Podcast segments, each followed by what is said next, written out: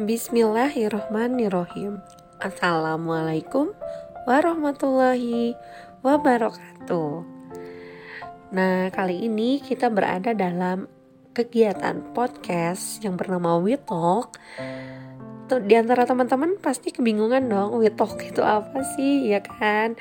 Nah We Talk itu sendiri merupakan bincang-bincang santai uh, yang dilakukan oleh saya sendiri sebagai Dewi yaitu uh, dengan berbagai narasumber atau mungkin solo podcast yang akan saya bahas kali ini mengenai guru PAUD atau pendidikan anak usia dini.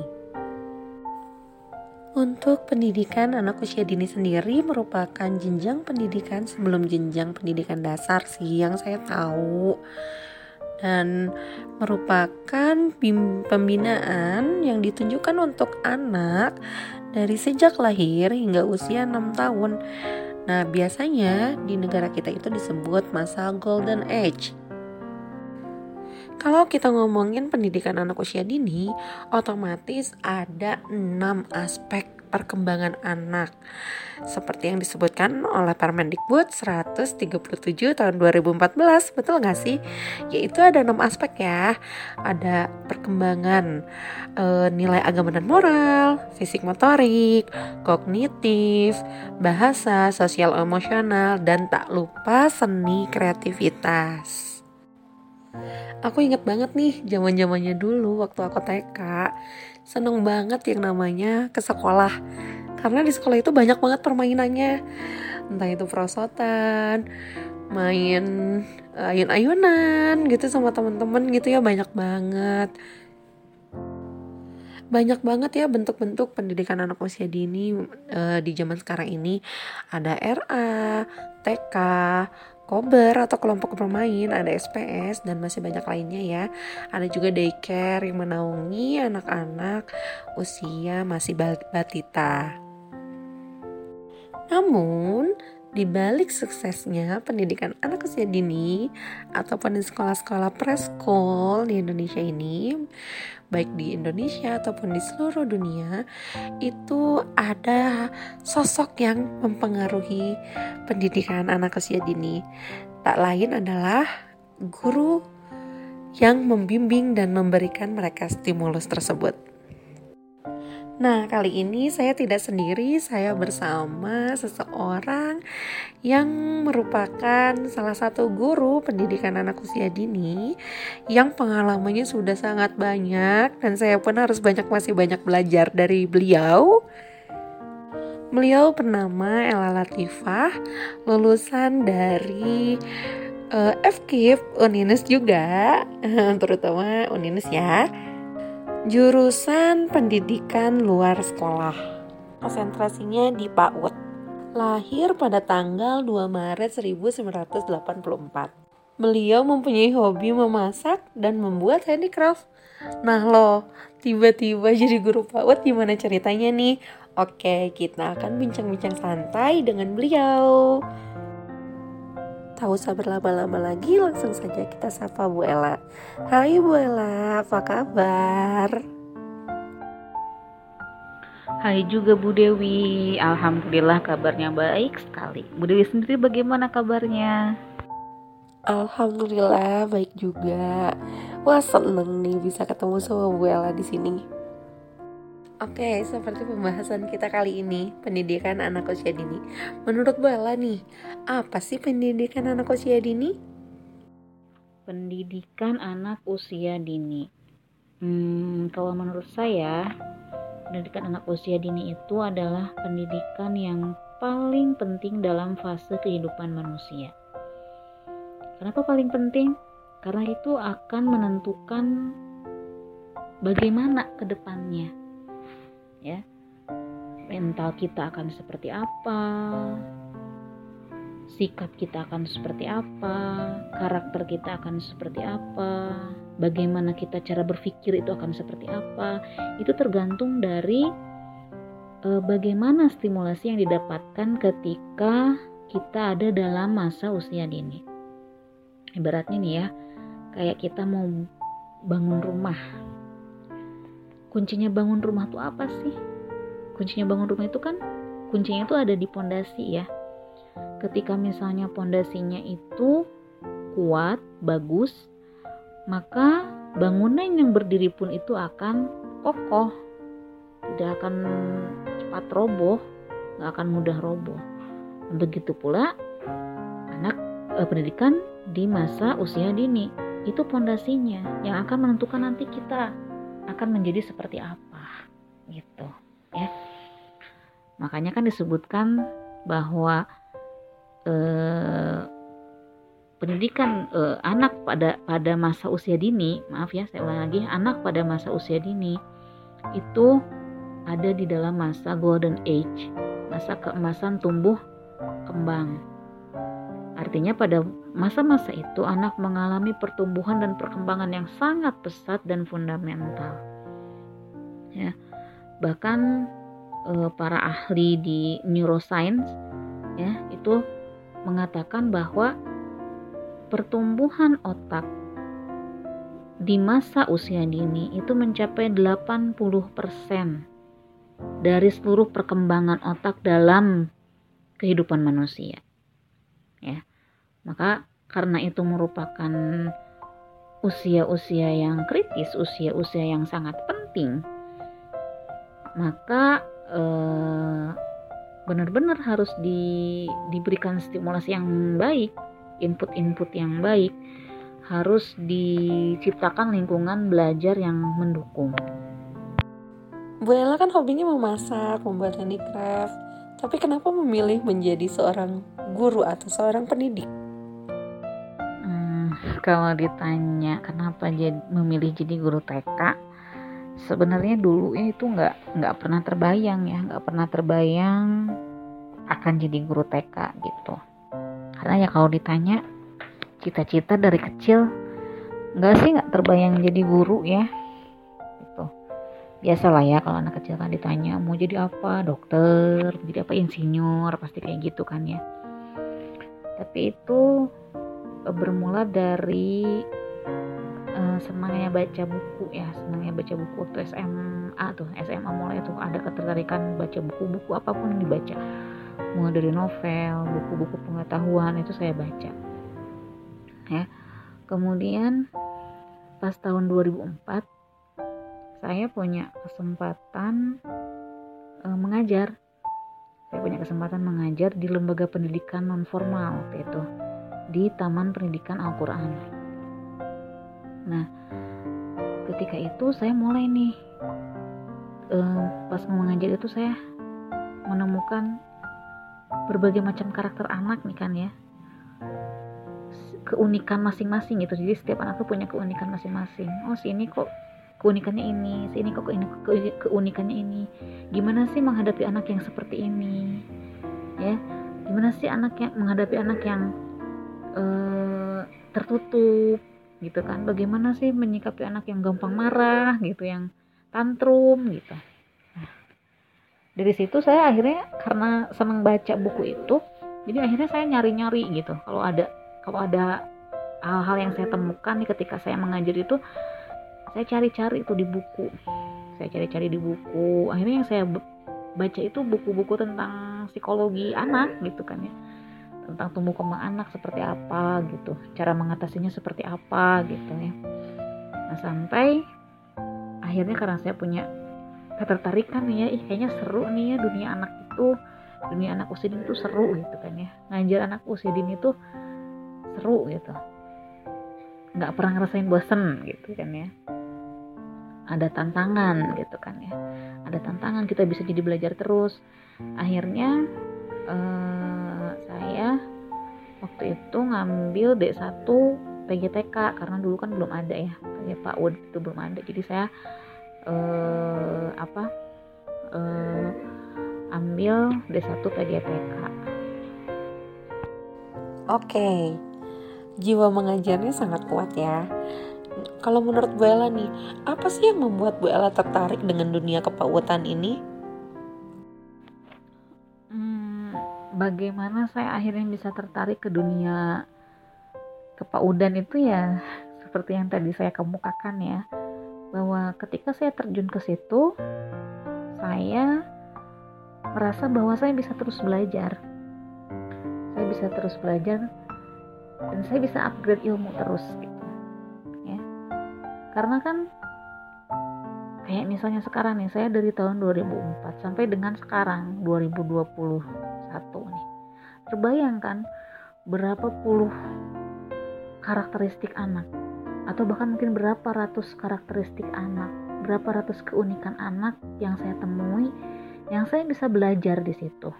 Saya kan jadi harus berpikir bagaimana pendekatannya terhadap si A terhadap si B yang tentu nggak bisa sama ya. Misalnya saja ya misalnya ada anak yang eh, apa yang cara kerja otaknya itu eh, yang satu otak kanan yang satu otak kiri misalnya gitu. Itu kan karakternya itu kan eh, apa cara pendekatannya tentu berbeda gitu. Nah di situ saya bisa belajar. Jadi nggak membuat kita nggak membuat kita gampang jenuh gitu. Justru akan tertantang tertantang tertantang. Ini saya harus bagaimana nih?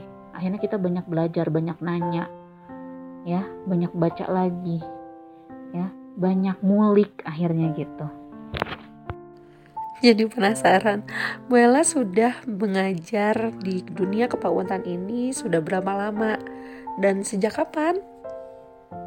Ya, itu tadi ya. Berarti saya mulai mengajar itu dari tahun 2004 di lembaga pendidikan non formal di Taman Pendidikan Al-Qur'an. Kemudian di tahun 2009 saya punya kesempatan mengajar di lembaga pendidikan formal itu di TK ya. Eh, nah, tahun 2010-nya nih eh, karena kalau di TK itu tantangannya otomatis lebih uh, berat gitu lah ya lebih banyak tantangannya akhirnya saya wah saya ini mau nggak mau nih saya harus harus upgrade ilmu lagi nih saya harus nambah ilmu lagi nih. Akhirnya di tahun 2010 saya mendaftar ke Uninus ya. Daftar ke Uninus karena di situ di Uninus juga belum ada kan ya PG PAUD di situ yang ada tuh PLS konsentrasi PAUD akhirnya saya daftar ke Uninus masuk ke jurusan PLS konsentrasi PAUD ya. Kemudian ya dari situ tetap walaupun kuliah tetap saya mengajar aktif mengajar sampai dengan ya saat ini ya kalau di total-total dari tahun 2004 sampai dengan 2021 ini berarti ya 17 tahun ya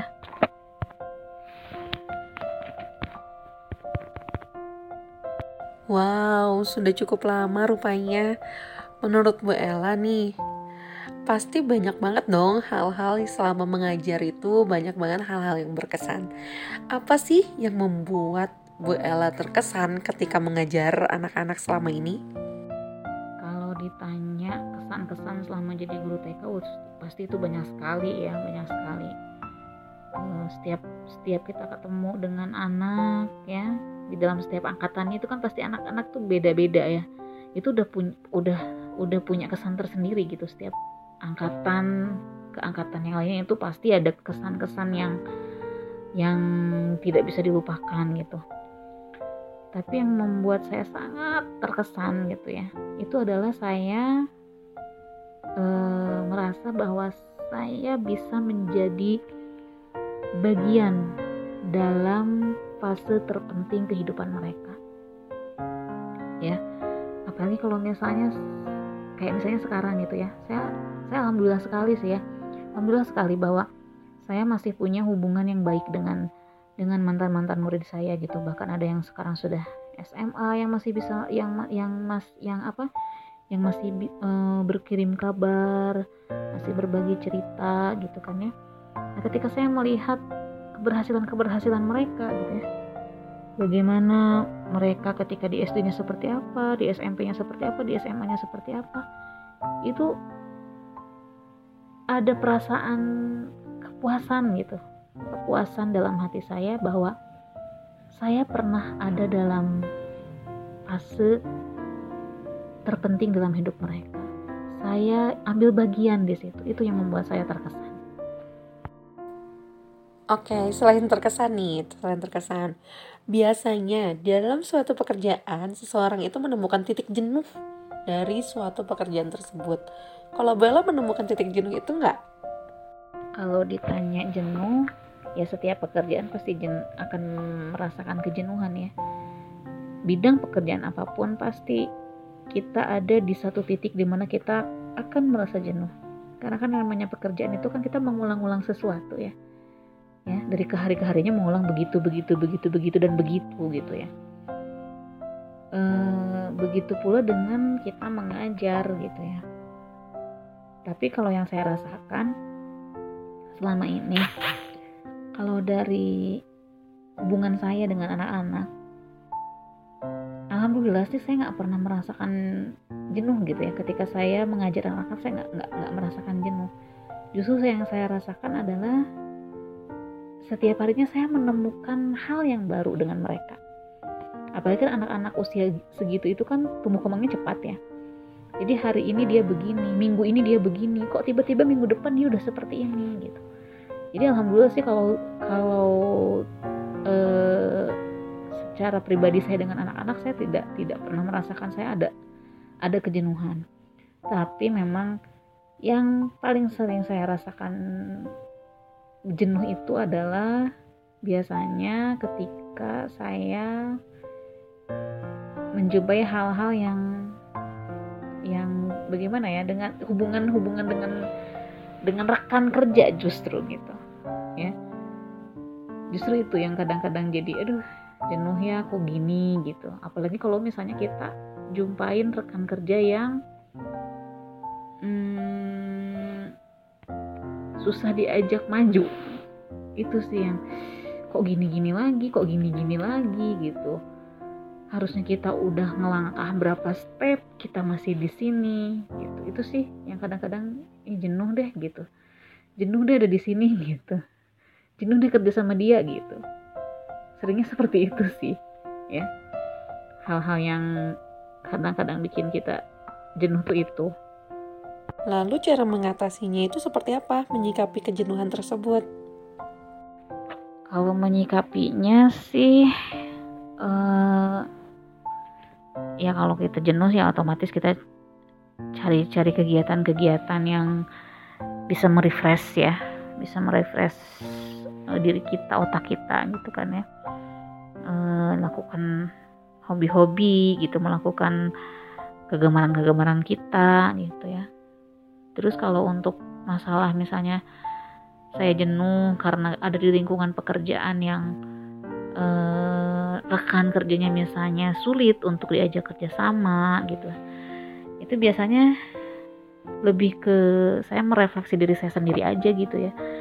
Saya jadi ke uh, apa sih melihat bahwa oh iya mungkin uh, kita tidak bisa tidak akan bisa memaksakan cara kerja kita pada mereka gitu. Karena bagaimanapun kita personal yang berbeda. Saya begini ya dia seperti itu jadi lebih kepada udah sih lah ya.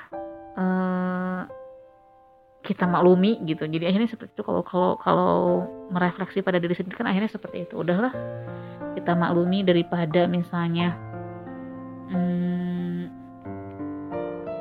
pekerjaan kita jadi terbengkalai gitu. Karena saya males nih sama dia gitu. Daripada seperti itu ya lebih baik kita cari cara untuk untuk bagaimana nih agar kita bisa jalan gitu. Ya cara salah satu caranya itu adalah ya sudah sih pahamin gitu pahamin apa yang jadi kekurangan mereka yang bisa kita tutupi. Ya kita lakukan itu gitu. Berarti udah pasti ada suka dukanya dong. Suka dukanya apa nih selama Bu Ella mengajar? Kalau ditanya suka dukanya oh pasti banyak ya namanya suka duka. Ya tidak bisa kita pungkiri ya namanya dunia anak itu menyenangkan gitu kan ya. Sukanya itu ya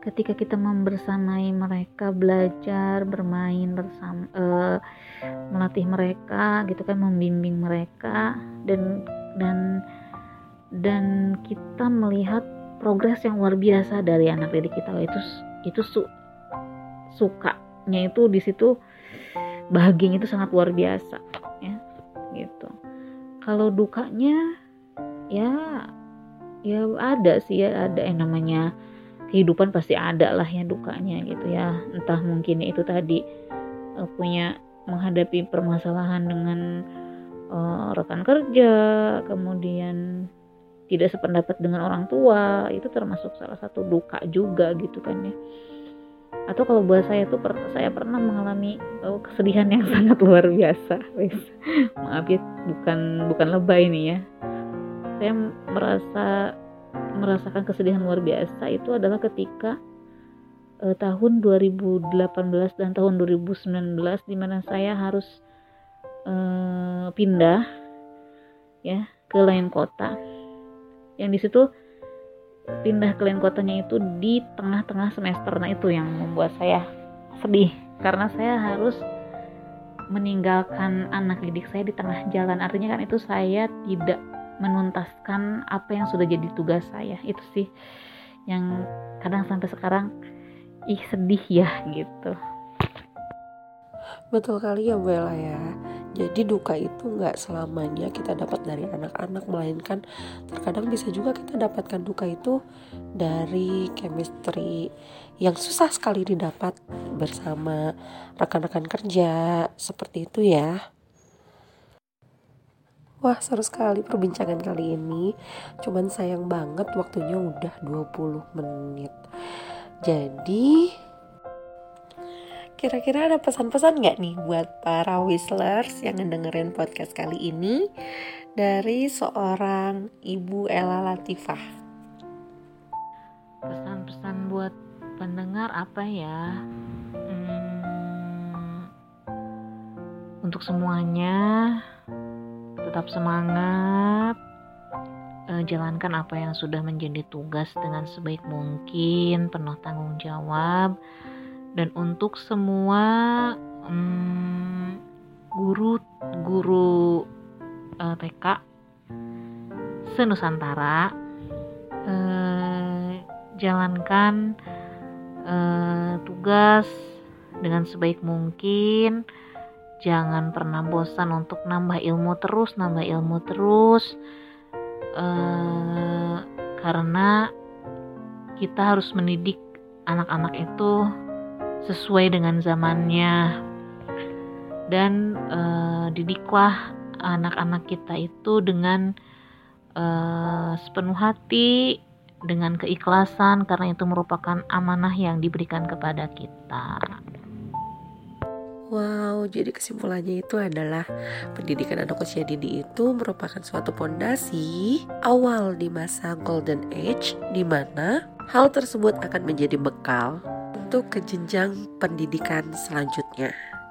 Dan kita sebagai pendidik pun wajib mengupgrade ilmu kita dengan cara menggali ilmu sebanyak-banyaknya dan jangan patah semangat dalam membimbing dan menstimulus anak-anak agar tercapainya indikator perkembangan anak yang tercantum dalam STPPA. Baik, terima kasih sekali kepada Bu Ella yang telah mendampingi saya kali ini. Iya, sama-sama. Senang sekali bisa bincang-bincang di WeTalk. Sampai jumpa kembali di kegiatan podcast WeTalk selanjutnya. Sampai jumpa. Wassalamualaikum warahmatullahi wabarakatuh.